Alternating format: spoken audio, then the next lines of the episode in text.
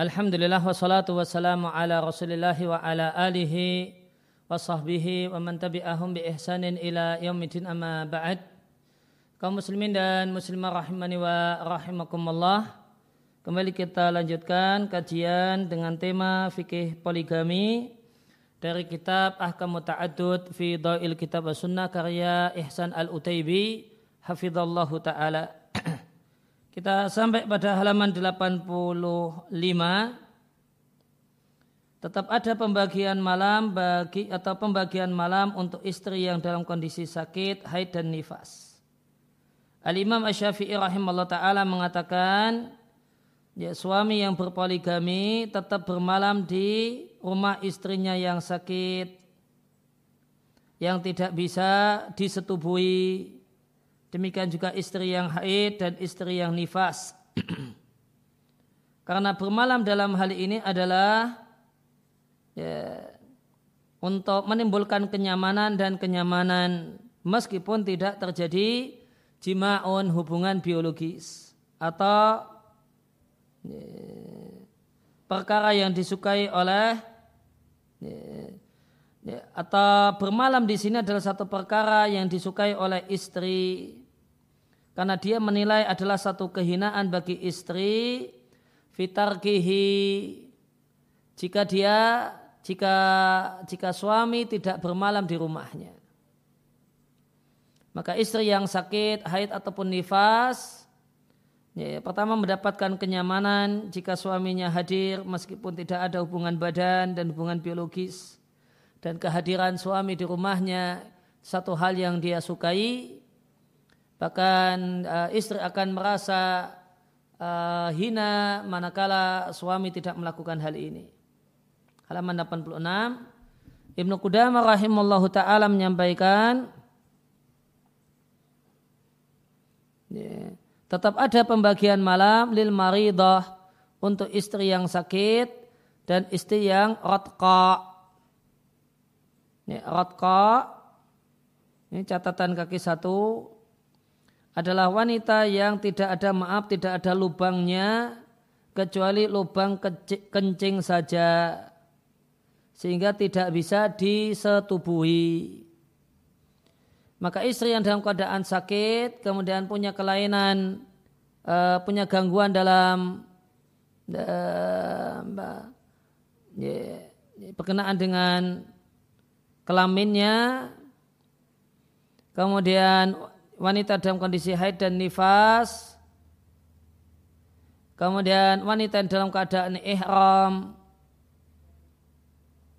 demikian juga wanita yang belum istri yang belum balik namun masih memungkinkan untuk dikumpuli, maka semua mereka dalam giliran malam itu sama. Ini pendapat Imam Malik, Syafi'i, Ashabu Ra'yi yaitu Hanafiyah dan kami tidak mengetahui adanya pendapat yang lain yang berbeda. Adapun istri yang kondisinya gila, maka jika tidak ada kekhawatiran tindakan bahaya dari si istri, maka istri yang dalam kondisi gila ini seperti istri yang normal. Namun jika dia khawatir, ada gangguan dari si istri maka tidak ada pembagian giliran malam baginya. Karena suami tidak merasa aman dari gangguan istrinya. Karena kalau gila, gila misalnya kambuh, ngamuk, mukul-mukul dan sebagainya. Demikian juga maka tidak ada giliran malam bagi istri yang dalam kondisi gila. Kenapa? karena layah sululaha unsun Suami tidaklah mendapatkan kenyamanan ketika membersamainya atau tidak bisa memberikan kenyamanan baginya wala biha tidak pula mendapatkan kenyamanan dengan berada di dekatnya. Sehingga ya, hak giliran malam itu hilang bagi istri yang demikian keadaannya. An-Nawawi Asy-Syafi'i rahimahullah taala menyampaikan tetap ada bagi uh, pembagian giliran malam lil maridah untuk istri yang dalam kondisi sakit, dalam kondisi haid dan nifas. Karena dengan dengan suami itu hadir, maka dia bisa memberikan kenyamanan bagi istrinya. Alasan yang lainnya karena suami tetap bisa mendapatkan kesenangan biologis bi ghairil wata'i ya, selain ya, dengan hubungan biologis. Ya, kenikmatan biologis yang biasa bisa dia dapatkan min kubelatin ya, bisa dengan ciuman, wanadarin, ya, memandang istri yang cantik, uh, walamsin, meraba-rabanya dan yang lainnya. Ya, ringkasnya, ya maka meskipun istri itu sakit, haid ataupun nifas, ya, giliran malam itu tidak hilang.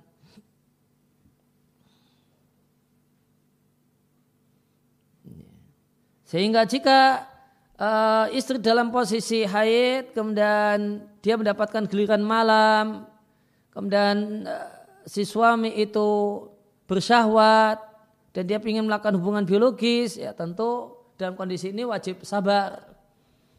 Ya, sabar semalam, ya sampai nanti uh, datang waktu berikutnya yang merupakan hak istri yang lainnya yang tidak dalam kondisi haid.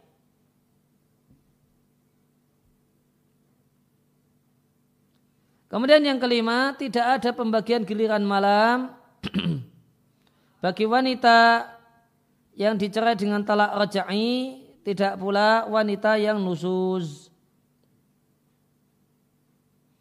Apa itu wanita nusus? Catatan kaki, ya, catatan kaki dua dari Ibnu Athir, Ibnu Athir. Nusus kepada suami artinya asat alaihi durhaka kepada suami wa kharajat anto'atihi dan tidak taat suami.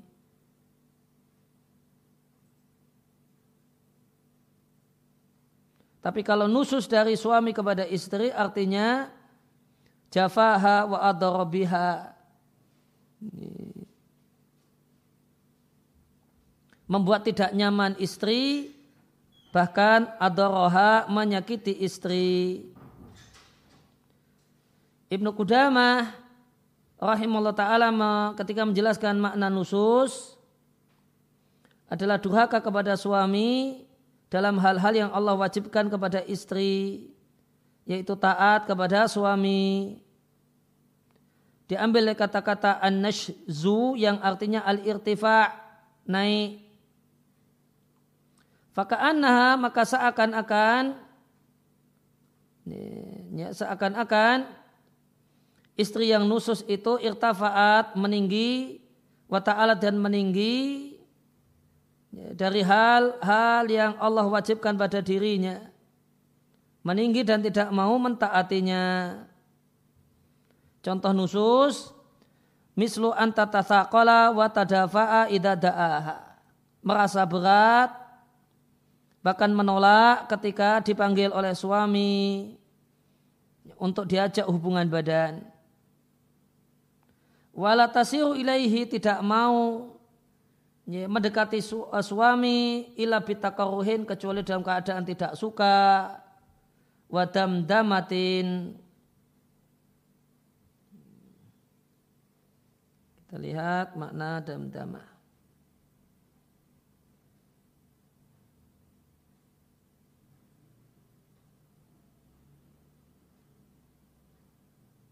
dam damatin artinya godobin marah dia deraka kepada suaminya dan tidak mau mendekati tempat tidur suaminya. Demikian termasuk juga nusus adalah keluar dari rumah suami tanpa izin. Baik untuk pergi ke rumah orang tuanya atau ke tempat yang lainnya. Keluar rumah tanpa izin itu bentuk nusus. Kembali ke atas. Al-Imam Syafi'i rahimahullah ta'ala mengatakan Landasan hukum uh, landasan hukum dari pendapat kami bahasanya tidak ada pembagian malam bagi wanita yang menolak untuk didekati oleh suaminya.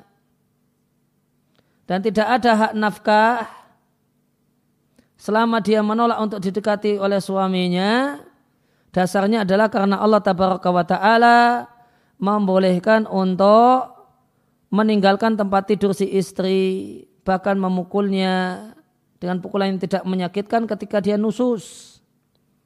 Wal imtina dan menolak untuk dikumpuli adalah bentuk nusus.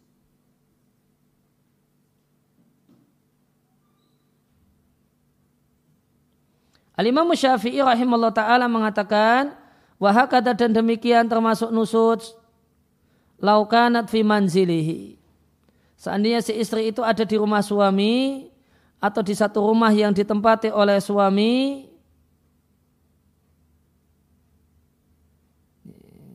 Faghalaqathu lantas dia tutupi pintunya atau tutupi rumahnya. Duna, dunahu sehingga suami tidak bisa masuk. Ya, maka itu di antara bentuk nusus. Rumah ditutupi suami tidak bisa masuk atau kamar ditutup dikunci sehingga suami tidak bisa masuk. Wamtanat min wamtana'at minhu dan istri menolak menolak kehadiran suaminya idza jaaha ketika suaminya mendekatinya. Atau ketika suami mendekatinya dia kabur lari.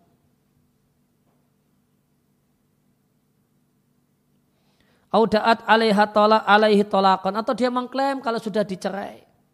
Dan itu adalah klaim bohong. Maka dalam kondisi semacam ini boleh bagi suami meninggalkan istrinya dan memberikan giliran malam kepada istri yang lain. Demikian juga tidak menafkahi istri tersebut sampai dia mau kembali. Ya, bentuk kembalinya adalah tidak menolak didekati oleh suami. Ya, ini adalah wanita yang nusus.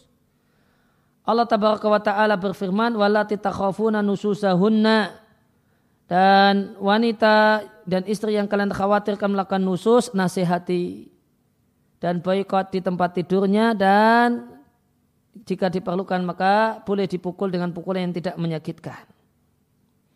Maka jika suami diizinkan untuk meninggalkan istri di tempat tidur karena khawatir kekhawatiran nusus, maka mubah bagi suami untuk mendatangi istri yang lainnya dalam kondisi ini. Dalam kondisi ini, wafi makana mislaha, wafi makana misluha dan kondisi yang semisal. Intah sekian kutipan dari Al-Um. Ibnu Qudama Al-Hambali Al-Maqdisi Al-Hambali mengatakan jika seorang suami membagi giliran malam untuk satu istri, kemudian dia datang untuk memberikan giliran malam pada istri yang kedua. Ternyata istri yang kedua ini menutup pintu sehingga suami tidak masuk atau menolak minal istimta'i biha untuk dikumpuli atau dicumbu atau mengatakan jangan masuk menemuiku. Atau mengatakan la tabit indi jangan bermalam di rumahku. Atau bahkan mengklaim aku sudah kamu cerai. Maka gugur dan hilanglah hak pembagian malam untuknya. Intah uh, sekian dari dari al-murni.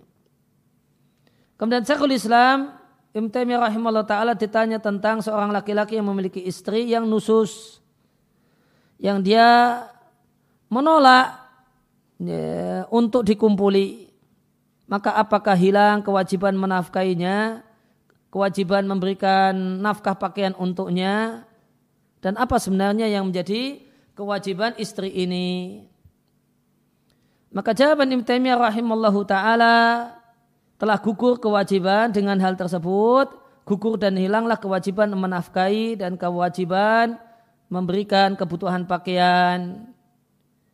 Ini gugur ida lam tumakkinhu min nafsiha. Jika dia tidak mau disetubuhi. Bahkan suami boleh memukulnya jika dia ngotot untuk nusuz. Tentu ketika pukulan itu bermanfaat dan pukulan itu uh, tidak bukan pukulan yang menyakitkan. Tidak halal bagi istri untuk menolak ya, untuk men, eh, untuk menolak hal itu yaitu menolak untuk dikumpuli jika diminta oleh suami. Bahkan istri yang menolak untuk dikumpuli manakala diminta oleh suami dia adalah wanita yang durhaka kepada Allah dan Rasulnya. Karena dalam hadis yang sahih Nabi menyampaikan jika suami meminta istrinya untuk datang ke tempat tidur lantas dia enggan maka Allah dat yang ada di atas sana marah kepadanya sampai pagi tiba dan wanita tersebut tidak berat untuk mendapatkan nafkah dan ya, giliran malam. Sekian dari macam ufatawa dan hadis yang dimaksudkan adalah hadis yang diatkan oleh Muslim. Saya Ibn Sa'di rahimahullah ta'ala menyampaikan wanita yang dalam masa iddah karena talak-talak roja'i, talak yang pertama atau kedua itu masih istri dalam semua hukum. Boleh baginya berdandan untuk suaminya, boleh suaminya memandanginya, berduaan dengannya, cuma bedanya tidak ada pembagian giliran malam untuknya. Nah kemudian poin selanjutnya ketika suami dalam keadaan sakit apakah tetap memiliki kewajiban untuk membagi malam? Kata Alimah Musyafi'i rahimahullah ta'ala, suami yang sakit, ya, sedang masuk angin, ya, ya, atau sedang nggak enak badan dengan suami yang sehat dalam masalah pembagian malam itu sama.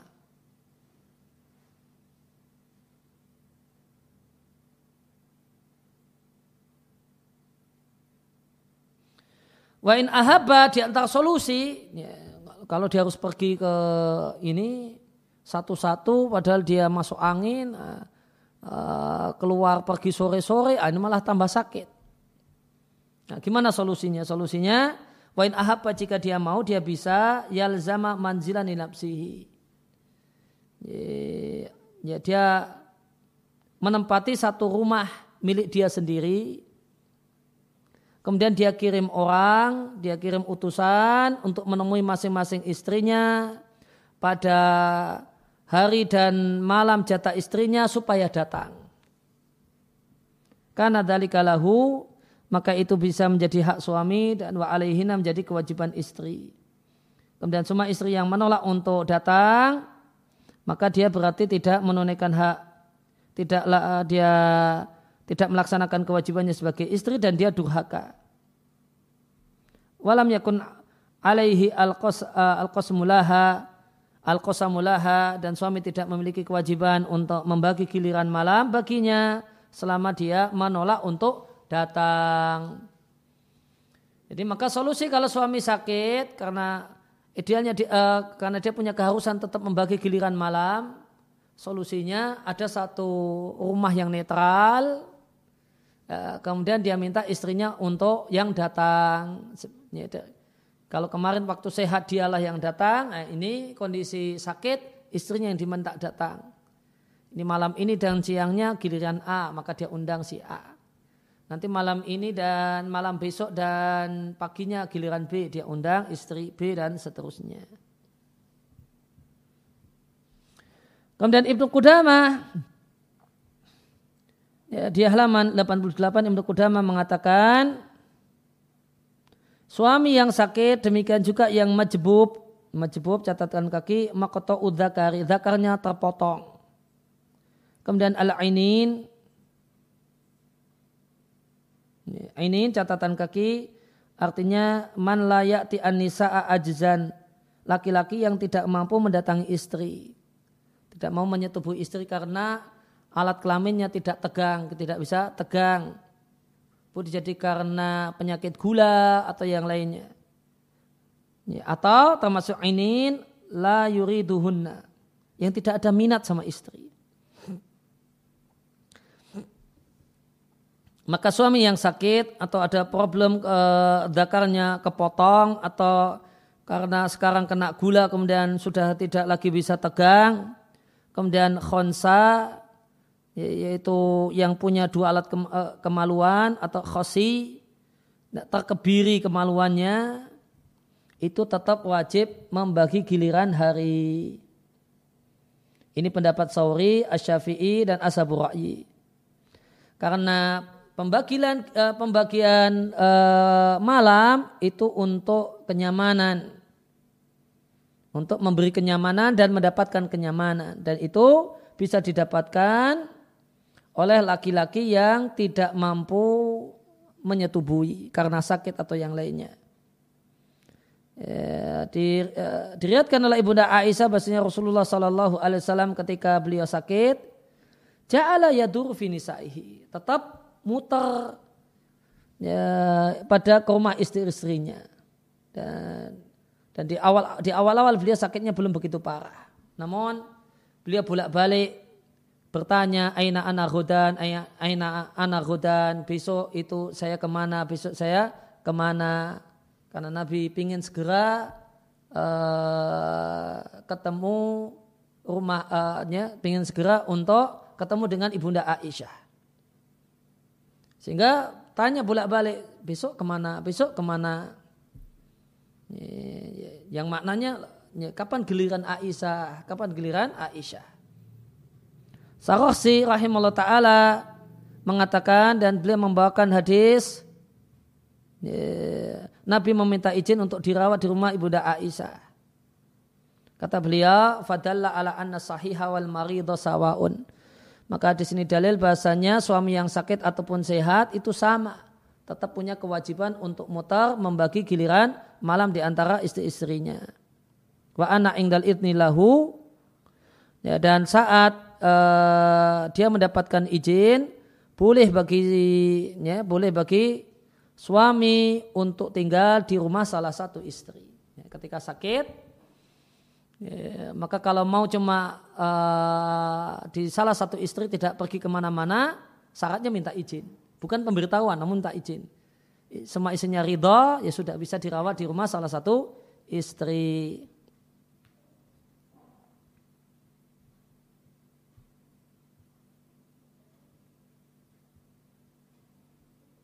Ya, kemudian tentang masalah eh, pembagian giliran hari ini, tolak ukur pembeli, eh, pembagian hari adalah malam.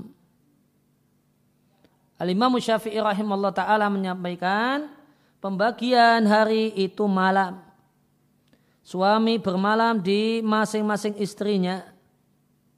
Jadi masing-masing dari istrinya pada waktu malam.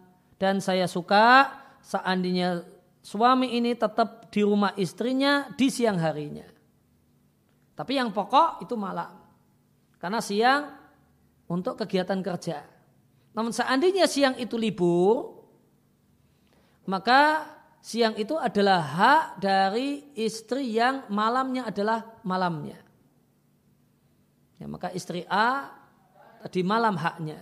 Hari ini libur, suami nggak ke mana-mana, maka semestinya suami di rumah istri yang A tersebut. Al-Imam Syafi'i menyampaikan bahasanya patokan al-qasam pembagian waktu adalah malam karena malam itu adalah tempat tenang Sebagaimana firman Allah tabaraka wa taala wa ja'ala lakum laila litaskunu fihi dan Allah jadikan untuk kalian malam supaya kalian mendapatkan ketenangan padanya. Dan Allah jadikan untuk kalian dari diri kalian sendiri pasangan supaya kalian mendapatkan ketenangan. Ibnu Qudamah al-Hambali menyampaikan tidak ada perselisihan ulama dalam masalah ini yaitu parameter pembagian waktu adalah malam. Hal ini karena waktu malam adalah waktu untuk tenang, waktu untuk beristirahat, ya wifihi al insan di waktu malam orang itu akan pulang ke rumahnya mendapatkan kenyamanan kenyamanan dengan keluarganya. Tidur di tempat tidurnya bersama istrinya biasanya demikian.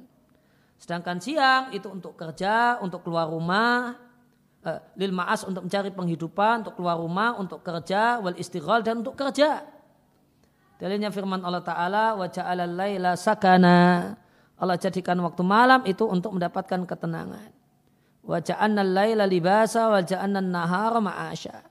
Kami jadikan waktu malam itu untuk pakaian yang menutupi karena gelapnya dan kami jadikan siang itu tempat untuk mencari penghidupan. Dan Allah Ta'ala berfirman dan di antara kasih sayang Allah Allah jadikan untuk kalian waktu malam dan siang supaya kalian mendapatkan ketenangan padanya. Walita betaru min fadlihi dan supaya kalian mencari sebagian dari karunia Allah.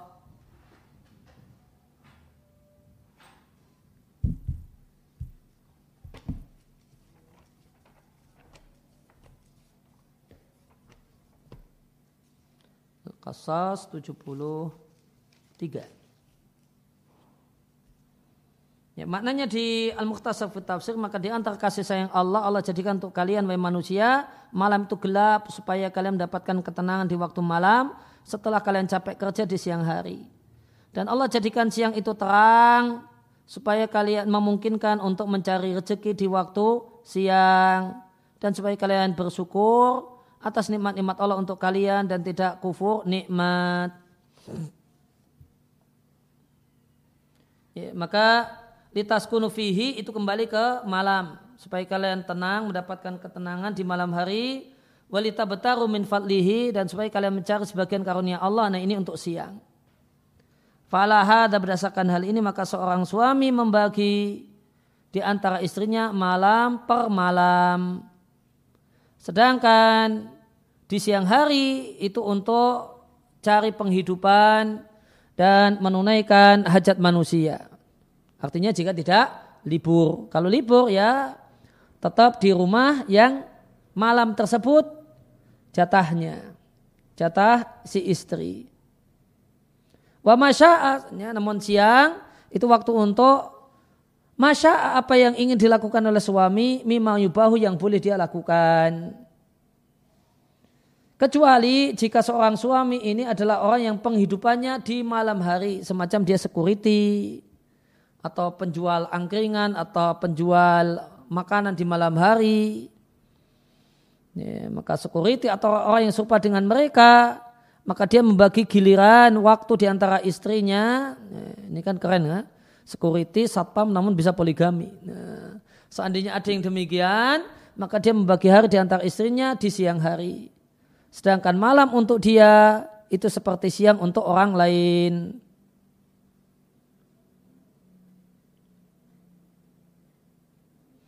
Nah, gimana untuk siangnya? Ya, siang itu wan naharu yadkhulu fil qasami. Siang itu masuk dalam pembagian dan dia statusnya tabaan lil lail, mengikuti malam.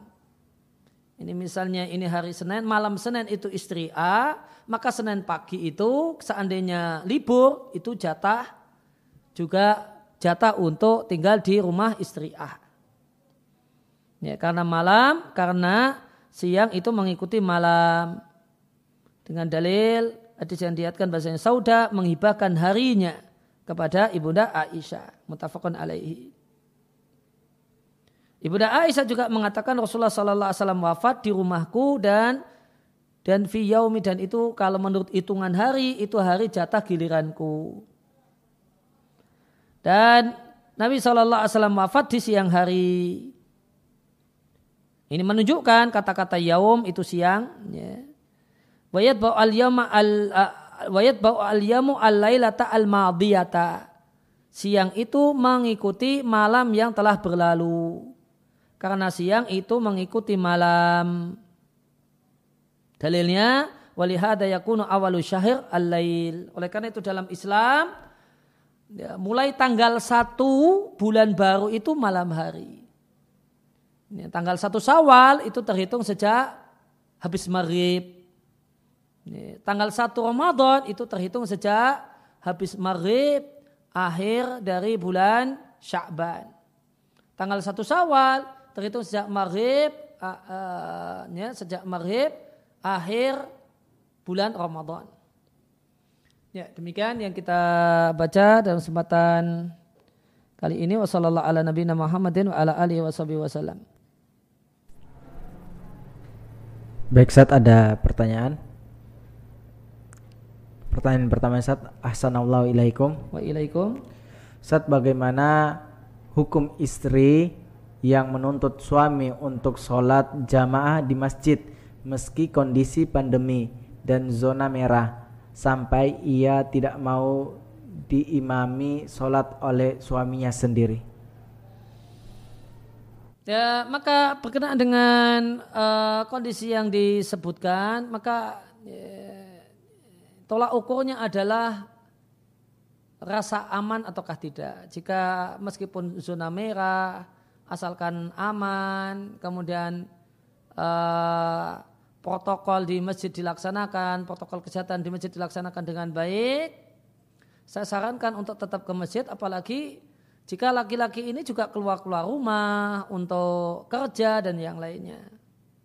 Ya, jangan sampai uh, ke pasar merasa aman, namun ke masjid merasa ini sumber penyakit.